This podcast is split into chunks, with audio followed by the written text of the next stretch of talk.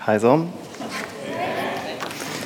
Um, ja, dette er min første tale i United, så ja, jeg skal snakke litt mer om det etterpå. Da er det bra med vann. Um, jeg heter Paul Andreas. Jeg er psykolog. En av mange psykologer i denne menigheten. Og jeg har vært med på prosessen med å lage denne serien, eh, og skal nå avslutte denne serien om følelser. Ja, og selv om det har liksom dukka opp et spørsmålstegn i uh, tittelen på denne serien, så er det en del av oss som kanskje fortsatt opplever at følelser kan være litt farlige. eh, de kan være truende. eh, og det å da tenke eh, at følelser og farlighet eller noe skremmende, det at det hører sammen, det er noe vi mange kjenner oss igjen i. Eh, jeg skal nå eh, ja, snakke litt mer om det Hvordan troen vår og følelsene kan henge litt mer sammen. Eh, og bruke følelser som både en styrke og ressurs. I hverdagen min så snakker jeg med ganske mange mennesker. Om ulike ting. Eh, jeg holder kurs. Eh, men samtidig så er dette her, å snakke i kirka, det er en litt ny eh, setting. Sånn at jeg kjenner at jeg kjenner litt i kroppen. Kroppen er litt stressa. Litt høyere puls. Litt sånn shaky. Og pusten er litt høyere opp i brystet enn vanlig. Og så kan jeg da ta det som et tegn på at nå er det et eller annet som er farlig. Eh, nå vil kroppen at jeg skal unngå noe. Eh, men kanskje er det egentlig det at jeg tenker at dette her er noe som er viktig. Noe som er viktig å få sagt. Eh, noe som er viktig for dere å høre. Eh, at det egentlig bare gjør meg litt sånn skjerpa. Så det er litt sånn to ulike tolkninger av den kroppsreaksjonen jeg kan kjenne nå. Og så er jo da spørsmålet Er følelser, det å være redd, nervøs og stressa, er det noe farlig? Eh, eller kan følelsene våre også være nyttige? Kan følelsene være en ressurs når vi tenker inn mot troen vår? Eh, og Det er det jeg skal snakke om nå. Eh, først så skal vi snakke litt om hva følelser er. Som psykolog så kan jeg ikke unngå liksom, jeg går rett til bibelteksten. Følelser er jo da subjektive opplevelser eh, basert på indre og ytre verden. Eh, vi kan både påvirkes av noe som skjer rundt oss. Vi kan bli redde fordi kroppen opplever at nå er vi i fare. Ehm, litt sånn som nå i stad. Eh, og da kan kroppen reagere med en fryktrespons. Men også tanker og forestillinger vi har i hodet, kan skremme oss. Eh, vi kan bli ganske redde bare av å tenke på å bli avvist. Eh, på krig. Eh, på edderkopper. Det er, liksom, det er, mye vi kan bli redde over. Eh, vi kan bli sinte, vi kan bli glade. Vi kan bli overraska. Vi kan bli triste, vi kan kjenne avsky. Vi kan kjenne skyld og skam eller interesse. Og det skal komme opp på skjermen her, disse tingene. Her, ja. Eh, dette her er det vi kaller for liksom grunnfølelsene våre. Litt sånn avhengig av hvilke teorier du baserer deg på. Eh, men vi har også ganske mange andre følelser, som du ser her. Og det her er jo ingen uttømmende liste. Eh, noen følelser er jo satt sammen av andre følelser, sånn som sjalusi eller nostalgi eller ærefrykt er jo ofte satt sammen av liksom flere følelser. Eh, eller så kan vi ha ulike grader av en følelse. Vi kan være irritert, vi kan være sinte, eller vi kan kjenne raseri. Og alt det er liksom innenfor ett sinnespekter. da. Eh, følelsene våre er nyttige, og de er jo egentlig et sånn lynraskt kommunikasjonssystem som forteller oss hva vi har behov for, hva vi trenger. Eh, og det kommuniserer både til oss selv og til verden rundt oss. Men det er ikke alltid like lett med følelser. I jobben min som psykolog så jobber jeg med mange mennesker som forholder seg til følelser på litt sånn ulike måter. Noen eh, opplever at det er veldig masse følelser. Eh, at de blir overvelda. Eh, at de blir forvirra. Det er skremmende. Det er ubehagelige følelser. Men ofte så er det ganske normale reaksjoner på en litt sånn unormal hendelse eller situasjon. Og så er det noen andre som er ganske flate i følelseslivet, som ikke helt vet hva de føler, hva de trenger. Eh, de føler seg nedstemt, tomme, frakobla sitt eget indre liv og vet ikke helt hva er det kroppen egentlig prøver å fortelle dem. Og Begge deler kan jo skape vansker i, hverdagen. Det kan gjøre at vi får behov for å snakke med noen, enten snakke med noen profesjonelle. Eh, men ofte så er jo det å snakke med noen som lytter og forstår, uansett om det er en profesjonell eller en venn, eh, noe som ofte hjelper.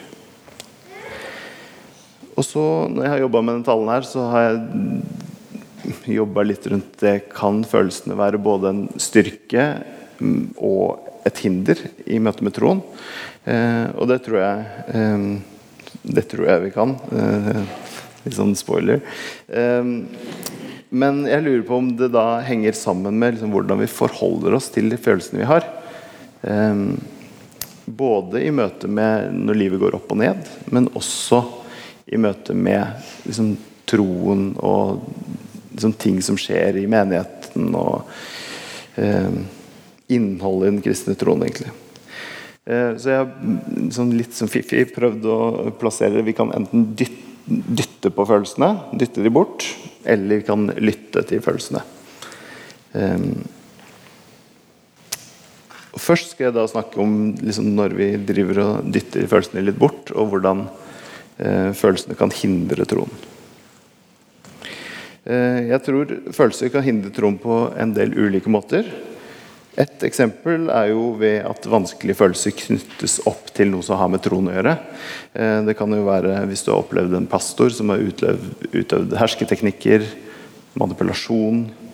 Eh, kanskje har du kjent at andre kristne gjør ting du er veldig flau over. Eh, kanskje har du opplevd at du har mye sterk tvil eller skepsis. Og så har du kanskje ikke noen å håndtere det sammen med.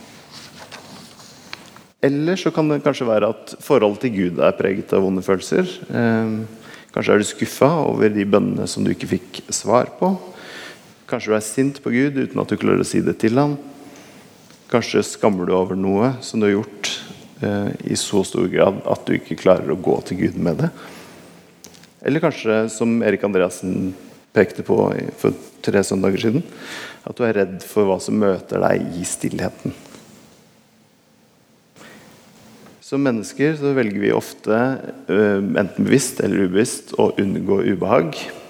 Vi unngår å si fra om at vi irriterer oss over hva andre gjør som vi irriterer oss over. Litt for oss, vi er redd for liksom, hva er det som kan skje i stemningen. Det kan bli ubehagelig hvis vi sier fra. Eh, vi kan unngå å ta opp med andre at vi blir såra over det de sa, for kanskje får vi ikke den responsen eh, vi ønsker. Kanskje tar de ikke selvkritikk. Um, og kanskje unngår vi å trosse frykten for å bli avvist. fordi det, det, er jo en reell fare for at vi faktisk blir avvist hvis vi er sårbare. Men den unngåelsen den har også sin pris. Um, vi får ikke erfart at frykten slipper taket. Vi får ikke erfart at sårbarheten åpner opp for nærhet, eller at andre ber oss om tilgivelse. Uh, det kan bl.a. Føre, føre til at vi blir sittende fast i sånn ensomhet eller bitterhet eller andre litt sånn større, vondere følelser. Eh, en annen følelse som er vanskelig for oss, det er skam. Eh, den kan kvele frimodigheten, få oss til å trekke oss unna andre mennesker. Eh, en annen følelse er sinne. Um, og mange kristne har et anstrengt forhold til det. Eller ikke bare kristne, en del mennesker har et anstrengt forhold til det. Men vi som kristne har ofte hørt at ja, vi skal ikke være sinte. Um, eller tristhet. Det er jo ofte en sårbar følelse å vise. Um, det er sårbart å vise tårer. Og så har vi hørt at store gutter ikke gråter. Og så leser vi at Jesus gråt. Og så leser vi at Paulus sier at vi kan bli sinte uten å synde. Um, og så er det jo også den skammen. Den kan også gi oss nyttig informasjon eh, om hva vi har behov for. Eh, at vi kanskje har tråkka over noen grenser Eh, at vi går på akkord med det samfunnet forventer oss, eller kanskje hva Gud forventer oss. Problemet når vi unngår disse vanskelige følelsene og dytter de bort, er jo at vi ikke lytter ordentlig til dem og får tak i det de egentlig prøver å fortelle oss. Og disse følelsene de er en del av oss, enten vi liker det eller ikke. Eh, de kan oppleves som hindringer, de kan oppleves som noe vi ønsker å bli kvitt. Og Problemet er jo at følelsene er en del av det indre kommunikasjonssystemet til oss selv. Eh, og hvis vi ignorerer det lenge nok, så kan kroppen finne på andre måter å si ifra på. Eh, det kan komme i form av veldig sånn kroppslige opplevelser. I form av anspente muskler, problemer med fordøyelsen, høyt blodtrykk, hodepine, utmattethet, panikkanfall. Eller sånn i andre enden av skalaen at vi blir veldig flate, følelsesmessig numne at jeg ikke vet hva jeg vil, at jeg ikke vet hva jeg ønsker, har behov for. Og det kan jo også henge sammen med en depresjonsfølelse. Men går det an å tenke at vi kan lytte til disse følelsene og bruke dem som liksom, en støtte, en styrke, eh, og berike troen? Jeg tenker jo det. Ehm, jeg tror troen kan bli rikere ved at vi tar med følelsene og bruker dem som en ressurs. I bunn og grunn så tror jeg det egentlig handler om å tro som et helt menneske. Ikke liksom dele ut at det er bare hodet som vi tror med, men at troen kan være en del av hele oss. Og følelser, det er jo en del av det å være et menneske. Hvis vi ikke har følelser, så mangler vi en viktig ressurs som hjelper oss å navigere rundt i hverdagen. for F.eks. så har mennesker som har skade på fryktsenter i hjernen, eh, har en tendens til å dø raskere enn vi som faktisk kan kjenne på frykt. Fordi frykt er noe som gjør at vi holder oss unna situasjoner som er potensielt farlige for oss. Hvis vi skal tro som hele mennesker, så er jo også det å lytte til følelsene en viktig del av det. Eh, som Per Arendal sa for to søndager siden, så er, jo, er det jo sånn at Jesus var menneske samtidig som han var Gud. Han hadde følelser, han lytta til dem, og han uttrykte dem. Jesus var redd. Jesus ble sint. Jesus var glad. Han uttrykte også skuffelse, tristhet, medfølelse, frustrasjon og overraskelse. Noen eksempler på dette her er jo at Jesus uttrykte sterk frykt i Matteus 26. Der står det han tok med seg Peter og de to CBDU-sønnene, og han ble grepet av sorg og gru. Da sa han til dem, min sjel er tynget til døden av sorg. Bli her og våk med meg. Johannes 12, der står det nå er min sjel fylt av angst. Men skal jeg si, Far, frels meg fra denne timen? Nei, til denne timen skulle jeg komme. Og Jesus uttrykte sinne i Markus 10. Da Jesus så det, ble han sint og sa til dem.: La de små barna komme til meg, og hindre dem ikke, for Guds rike tilhører slike som dem. Jesus uttrykte også sterk glede i Lukas 10. I samme stund jublet han i Den hellige ånd og sa, Jeg priser deg, Far, himmelens og jordens herre, for du har skjult dette for de vise og forstandige, men åpenbart det for umyndige små. Ja, Far, for dette var din gode vilje. Og Samtidig så er jo ikke dette fokuset på følelser som vi har hatt nå, det er jo ikke et innlegg i at ja, nå skal du bare skru av hjernen og bare kjøre følelsestoget. Um, det er ikke sånn at du skal liksom kun styres av følelser, la det ta helt overhånd og bare gjøre det du har lyst til fordi det kjennes godt. Nei, vi har fornuften også. Den hjelper oss til å ta gode valg, selv om det er andre ting som frister. Og jeg tror vi trenger å lytte både til fornuften og til følelsene. Um, mange av oss har nok opplevd å bli veldig sånn topptunge og veldig styrt av liksom, Nå skal jeg tenke hva som er rett i den situasjonen. Og så har vi kanskje overstyrt behovene til den som sitter der og har, har behov for noe annet. Og kanskje det andre opplever at følelsene har tatt over rattet helt og løper løpsk og skaper litt sånn kaos i situasjonen. Og Noen ganger så kan vi da krasje med den andres måte og de andres behov på. Da. Det de andre har behov for. Eh, deres måte å reagere på. Og selv om vi ofte er glad i liksom enkle svar, og jeg vil ha et svar raskt, så er ikke verden så enkel. Den er ikke svart-hvitt. Eh, vi er skapt med både fornuft og følelser, og vi fungerer best når disse to snakker godt sammen.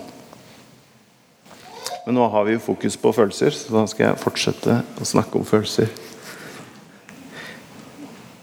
Å forholde seg til følelser handler jo ikke bare om å forholde seg til våre egne følelser. Vi må også være i stand til å lese og forstå andres følelser. Eh, og Her kan det bli litt komplisert, fordi vi må jo da også kommunisere. Eh, og kommunikasjon mellom mennesker det er jo ikke en sånn prosess hvor jeg sier én ting, og så forstår du hva jeg sier, og så lever vi lykkelig i alle våre dager. Eh, nei, det er mer komplisert enn så. Det innebærer at jeg kjenner et behov Eh, ofte i form av noe kroppslig eller følelsesmessig. Og så tolker jeg det, bevisst eller ubevisst. Og så skal denne informasjonen oversettes til ord i hodet mitt. Før disse ordene skal formes og uttales. Og så er det ikke sånn at det er bare ordene som vi uttaler. Vi har jo et tonefall. Eh, vi kan jo være både håpefullt eller avvisende, likegyldig eller ambivalent. Og så har vi jo alt mulig annet av nonverbal kommunikasjon, som vi velger å kalle det. Eh, kroppen og ansiktet og alt kommuniserer jo også. Eh, og så skal denne pakken da sendes over til mottaker, som da skal liksom pakke ut den og tolke og forstå hva det egentlig er jeg mener. Eh, og det skjer jo inni hodet til den som tar imot. Og det har jo ikke jeg noe kontroll over, så da kan jeg bli stressa. Eh, og det kan jo være skremmende, og så kan jeg velge å tolke dine reaksjoner basert på min egen forventning, min tolkning av situasjonen. Og Noen ganger så treffer jeg på første forsøk, eh, men ofte så må vi da snakke om hvordan vi kommuniserer. Litt sånn metakommunikasjon. Så egentlig så er det sånn at God kommunikasjon handler jo ikke bare om hva jeg sier, hva som blir forstått, men det handler jo også om å ha kontakt med hvordan hva er det egentlig jeg kjenner på? Er, hvilke reaksjoner er det som dette vekker i meg? Og klarer å kommunisere det til noen andre? Og det handler jo ofte om følelser. Og så er jo spørsmålet eh, Kan vi kommunisere med Gud uten å ta med følelsene? Eh, det er mange som tenker det. Eh, jeg er nok også en av dem. Eh, det kan være sånn at Når jeg kommer til Gud med noe, så skal det være fullstendig ferdig bearbeida. Det kan ikke være sånn rått og blodig. Men hvor har vi den tanken fra? I prinsippet så er det jo da at jeg sier at Gud ikke tåler meg sånn som den jeg er. Med mine følelser, mine reaksjoner, mitt sinne, frustrasjon, skuffelser, skam, sårbarhet og frykt. At han kun tåler meg hvis jeg uttrykker glede og fred og takknemlighet. Alle disse fine tingene. Eller hvis jeg snakker om følelsene mine med Gud når de er forbi, når jeg liksom er ferdig med dem. Hva slags bilde av Gud er det vi har da? Det kan være at han er en skrøpelig, overfølsom Gud som kommer til å knekke sammen dersom jeg sier det jeg egentlig føler her og nå.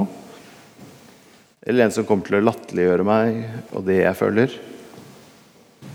Eller kanskje en som slår hardt ned på alt det som har med følelser å gjøre. Fordi troen skal jo ikke være basert på følelser, den skal være kun basert på fornuft og bibel og moral.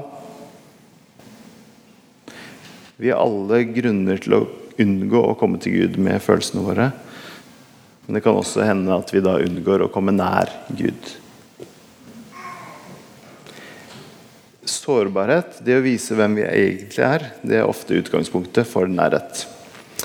Dersom du har en venn, en kjæreste eller ektefelle som kun kommer til deg når du har livet på stell, eller når de har livet på stell, når de kan snakke om livet i fortid, hva gjør det med nærheten hvis vi kjenner til den personen? I motsetning til de gangene hvor du får ta del i livet der det skjer. Ta del i gledene, i sorgene. Er det ikke det som egentlig skiller de forholdene vi har til de nærmeste og de litt mer perifere? Og hvorfor holder vi da Gud ofte da utenfor denne nærheten? David sier i Salme 6.: Helbred meg, Herre. Kroppen skjelver av redsel, min sjel er grepet av frykt.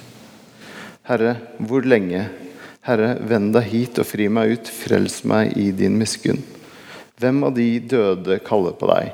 Ingen i dødsriket priser deg. Jeg er trett av å klage.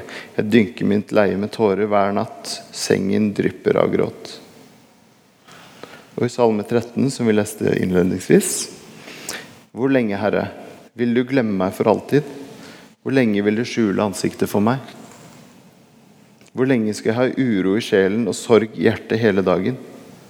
Hvor lenge skal fienden ha makt over meg? Se meg, svar meg, Herre min Gud. Gi mine øyne lys, så jeg ikke sovner inn i døden, så min fiende ikke kan si jeg har vunnet over ham, og mine motstandere ikke jubler når jeg vakler. Men jeg setter min lit til din miskunn. Mitt hjerte skal juble over din frelse. Jeg vil synge for Herren, for Han har gjort godt mot meg.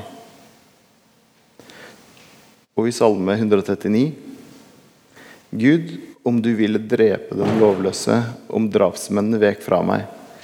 De taler svikefullt om deg, dine fiender sverger falskt. Herre, jeg hater dem som hater deg, og avskyr dem som står deg imot. Jeg hater dem med et grenseløst hat, de er blitt mine fiender. Er dette uten følelser? Er det noe David ber etter at han liksom har bearbeida alt? og 'Nå kommer jeg, nå er jeg ferdig, og nå kan jeg presentere en sånn fiks ferdig, velluktende bønnepakke til Gud'? Nei, han er midt i møkka. Han ber ut sitt sinne, sin frykt, sin smerte til Gud fra der han er. Og det er der nærheten kan komme fra.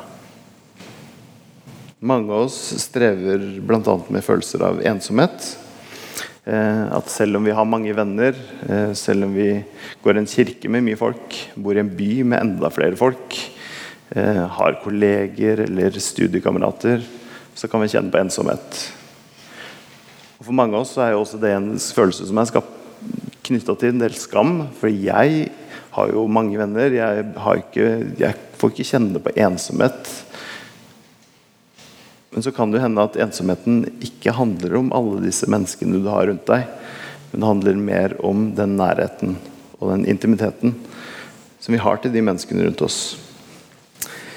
Eh, og jeg er jo også en av de som ikke er så veldig annerledes fra dere når det kommer til dette.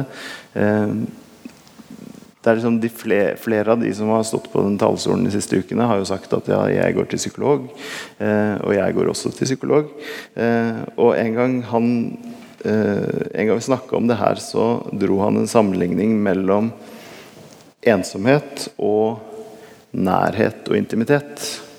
Som jeg ikke hadde tenkt så mye på. Eh, og så har jeg undersøkt litt at det er jo noe han har henta fra en av de som først snakka om ensomhet i psykologien.